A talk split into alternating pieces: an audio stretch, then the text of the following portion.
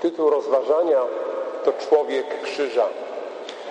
Miłowani, ostatnia środa przyniosła nam już dziewiątą rocznicę śmierci naszego ukochanego papieża, błogosławionego Jana Pawła II.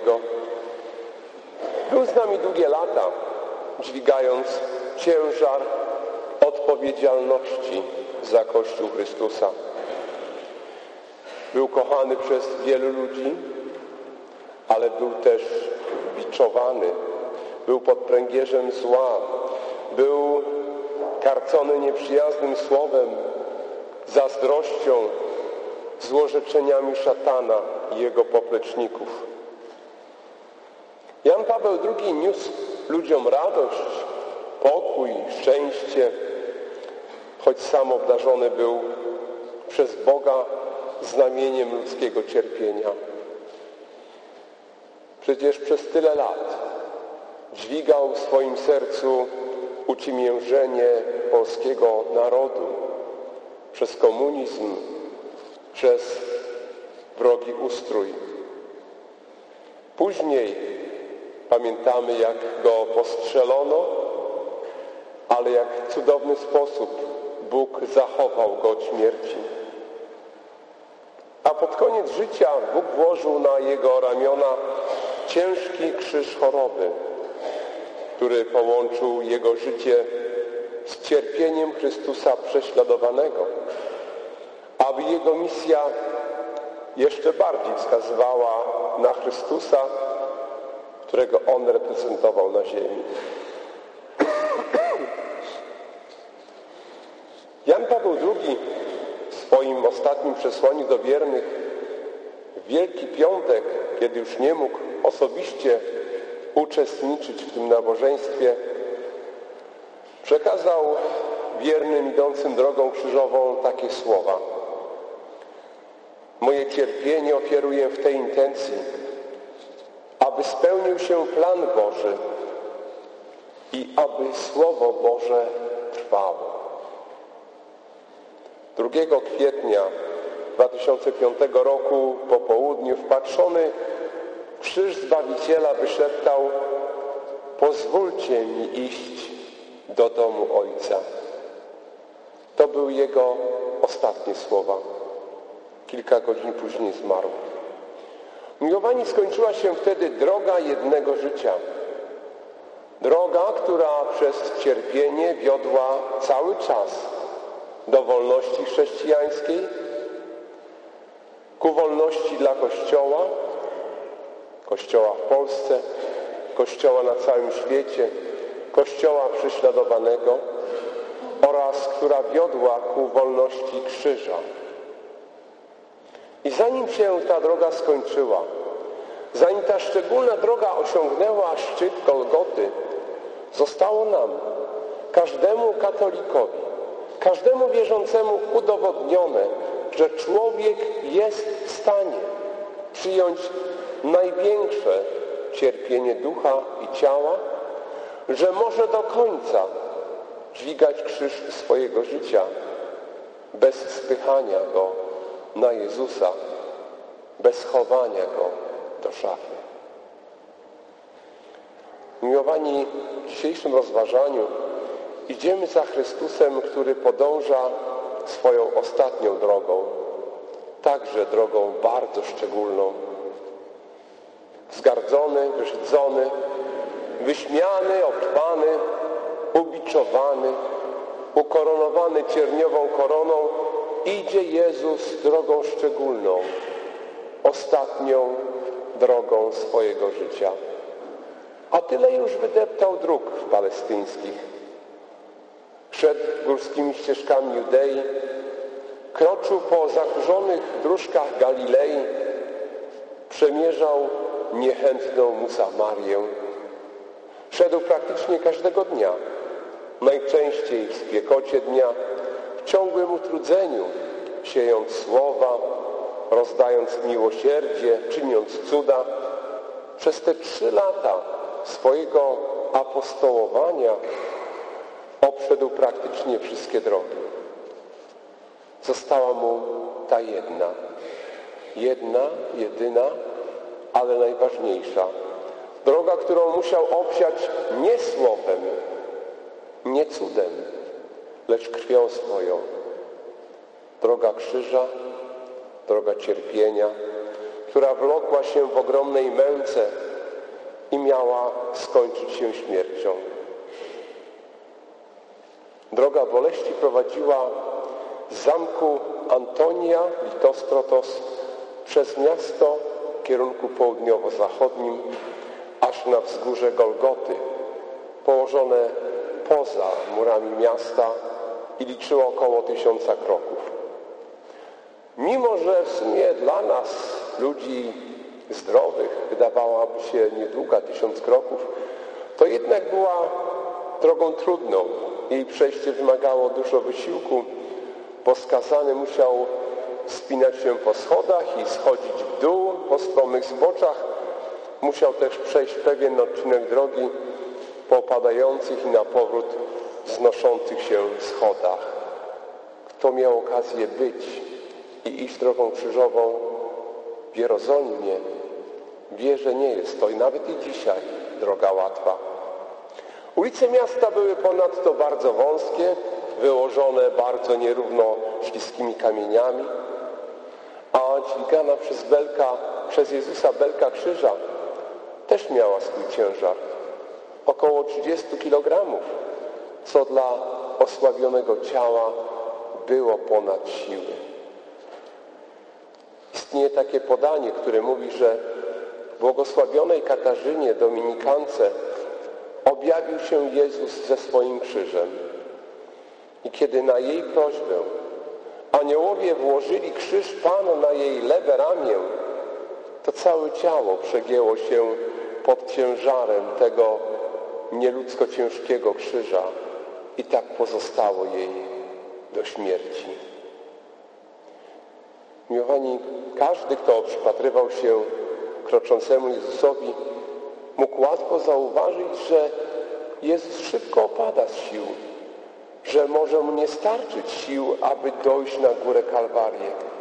Wydawało się, że w płucach wnet zabraknie tchu, że serce bijące ostatnim wysiłkiem omdleje i że anioł śmierci otuli jego ciało jeszcze na dróżkach Jerozolimy. Widzieli to dobrze i farzeusze i wcale im to nie było na rękę.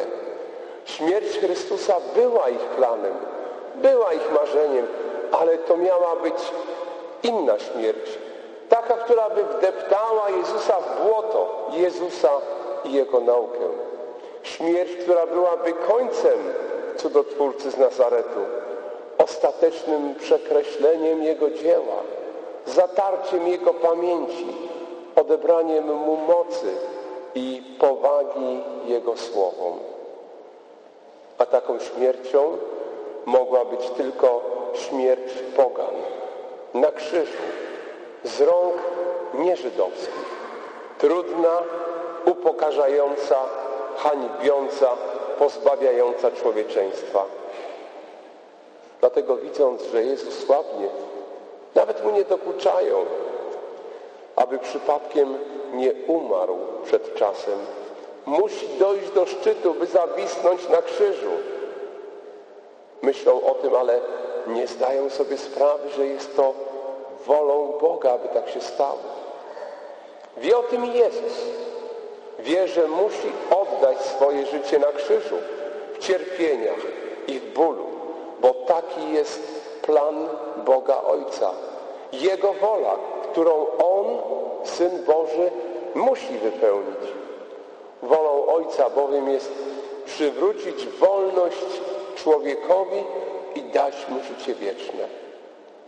A dla spełnienia woli Ojca, woli naszego najlepszego Ojca w niebie, nawet cierpienie nie jest ważne.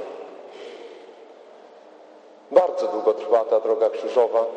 Krew zalewa oczy Jezusowi. Słońce pali otwarte rany. Upał wysusza gardło. Zbliża się śmierć, gdyż każdy krok przynosi obrazy z całego życia, które przewijają się jak w kalejdoskopie. Właśnie w tych obrazach Jezus przed chwilą widział swoją matkę, ale jest ona tuż obok. Przepycha się przez tłum ludzi i cierpi chyba bardziej jak on. Jest tuż obok, jakby oczyma chciała unieść krzyż z jego ramion. Jakby chciała podźwignąć ten ciężar i wziąć go na swoje ramiona.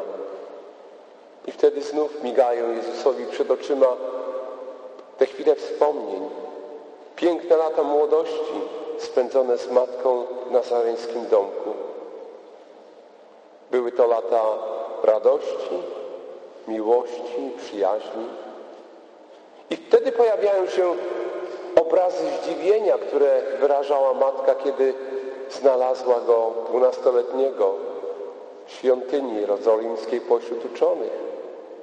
I pamięta ten pierwszy cud w Kanie, kiedy matka figlarnie, jakby się przekomarzając, rzekła synu, wina nie mają.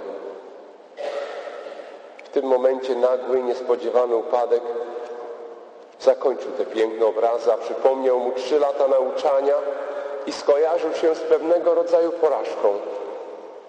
Nie potrafił przyprowadzić do winnicy pańskiej faryzeuszy, funkcjonariuszy państwowych, fanatyków mesjanizmu politycznego, czy tych, którzy służyli w świątyni Pana. Zawiedli go także ci, których uzdrawiał, których karmił, z którymi dzielił swoje życie na co dzień. Nie dano mu jednak leżeć w tym tyle ziemi, aby mógł choć chwilę odpocząć, chociaż tak pragnął. Dźwigają go. Z trudem podniósł się, gdy ciężką belę krzyża wziął na swoje ramiona Szymon z Cyreny, przymuszony przez przewidujących faryzeuszy. Chrystus bierze pomoc Szymona za monetę wdzięczności, za rewanż, za pomoc, którą On okazywał biednym, cierpiącym, chorym, grzesznym, uciśnionym. Czy tak jest naprawdę? Chrystus wątpi. Ale wie, że jest ta pomoc. Mimo tego czuje nadal się osamotnionym. Nawet delikatna dłoń Weroniki wycierająca twarz ze spływającej spod cierniowej korony krwi i potu jest dla Jezusa gestem pożałowania, a nie współczucia. Ciągle otacza go wrzeszczący wszechobecny tłum. Poganiają orszak. Wszyscy się spieszą, albowiem niedługo złote trąby świątyni obwieszczą zbliżający się zachód słońca i że nastaje czas szabatu, paschy, święta. Tłum jak najszybciej chce się nasycić widokiem umierającego skazańca. Chce wrócić do domu, by przygotować się do świąt. Każdy myśli o swoich zajęciach, o swoim wypoczynku. Męka i los Chrystusa jest dla nich zupełnie nieważny. To nie rozrywka. Dla Chrystusa, dla nich tak. Lecz nie wszystkie serca były tak okrutne, tak wyprane bez reszty spoczucia litości. Na zakręcie drogi wśród okrzyków, klątw żołnierzy Jezus słyszy płacz. Porywający, gorzki, przenikliwy. A gdzie był smutek, gdzie był płacz, to on nigdy jeszcze nie przeszedł obojętnie. I tak jest teraz. Podnosi oczy ku górze, aby zobaczyć, kto płacze i dostrzega grupę, grupę kobiet zalanych gorzkimi łzami. Nie wyciągały one rąk z prośbą o pomoc. Dziwne. Trzymały je przy sobie, załamane, blisko twarzy. Jezus zrozumiał, że niczego nie chcą, że płaczą nad Nim, nad Jego męką. Tylko tyle mogły zrobić dla Jezusa. Tylko tyle mogły ulżyć Jego sercu.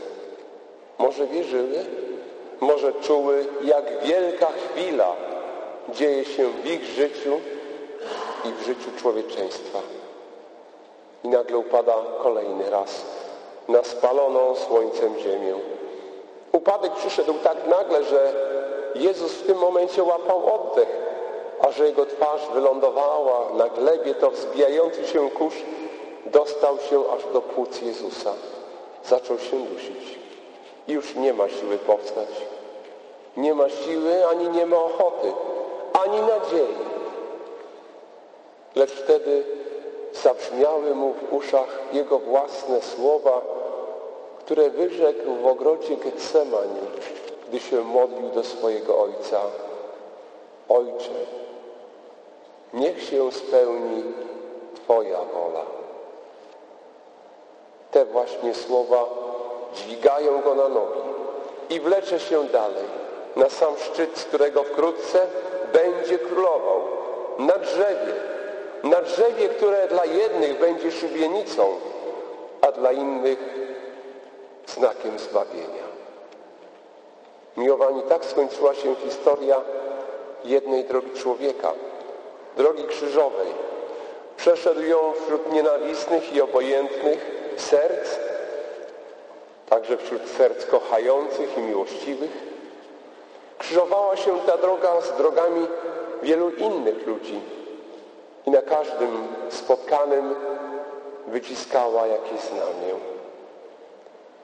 Dziwna była ta droga, bo mimo, że prowadziła przez cierpienie do śmierci, to wiodła jednak do wolności, wiodła do zwycięstwa.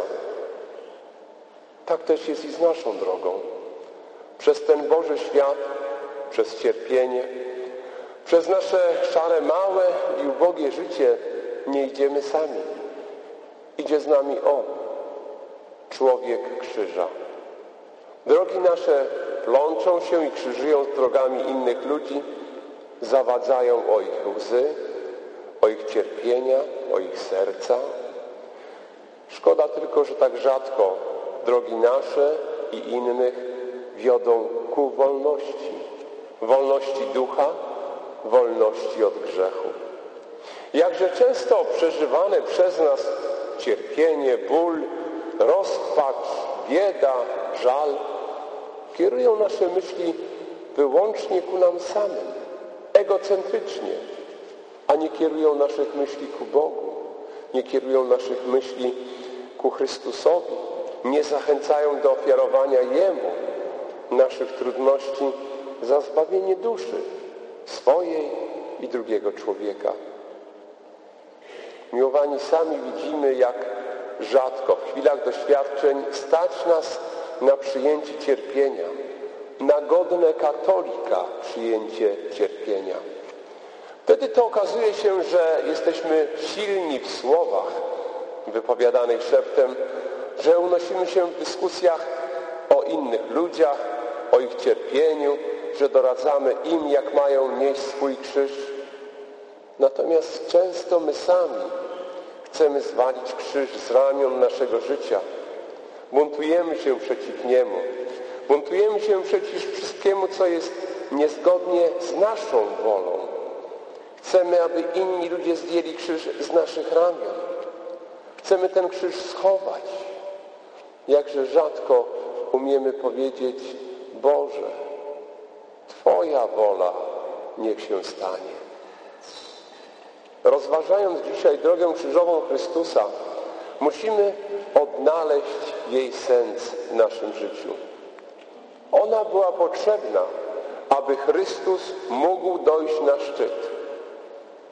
Droga krzyżowa Chrystusa pokazuje nam, że aby dojść do zwycięstwa, trzeba przejść przez trudności, cierpienie i wyrzeczenia. Droga krzyżowa Chrystusa pokazuje nam, że aby zdobyć wolność, trzeba dołożyć sił, upaść i podnieść się za każdym razem, aby wytrwale iść do przodu, mówiąc Boże, Twoja wola niech się stanie. Co chwilę zapalają się dzisiaj przeróżne gwiazdy. I coraz szybciej gasną i znikają, bo są tylko gwiazdkami. Coraz trudniej szukać według nich drogi. Pamiętajmy, że na ziemi istnieje jednak inny znak. Znak krzyża. Krzyż boskiego życia, który prowadzi nas ku zwycięstwu, który prowadzi nas we właściwym kierunku. Krzyż, który jak napisał Cyprian Kamil Norwid, stał się nam bramą. On powinien być bramą naszej ludzkiej wolności. Miłowani, doceńmy heroizm drogi krzyżowej Jezusa i zejdźmy z naszej drogi, pełnej wygodnictwa, drogi, która prowadzi donikąd, z drogi, którą się tak często teraz buduje. Miłowani, lekcja cierpienia Chrystusa, czy Jana Pawła II, wkrótce świętego i wielu innych świętych niesie prostą naukę. Bóg wobec nas, wobec każdego z nas ma odwieczne plany i odwieczne zamiary. Gdzieś nastawia, wyznacza nam posterunek wierności, abyśmy do końca wiernie trwali tam, gdzie nas postawił, nawet na drodze krzyża. Wyjdź człowieku na skrzyżowanie ludzkich dróg i tam skieruj się na szlak wyznaczony przez człowieka krzyża, Jezusa Chrystusa. Szlak prowadzący do wolności. Krzyż, znak zwycięstwa Chrystusa nad złem, wskaże Ci, gdzie masz iść. Dla swojego zbawienia i dla zbawienia wszystkich ludzi.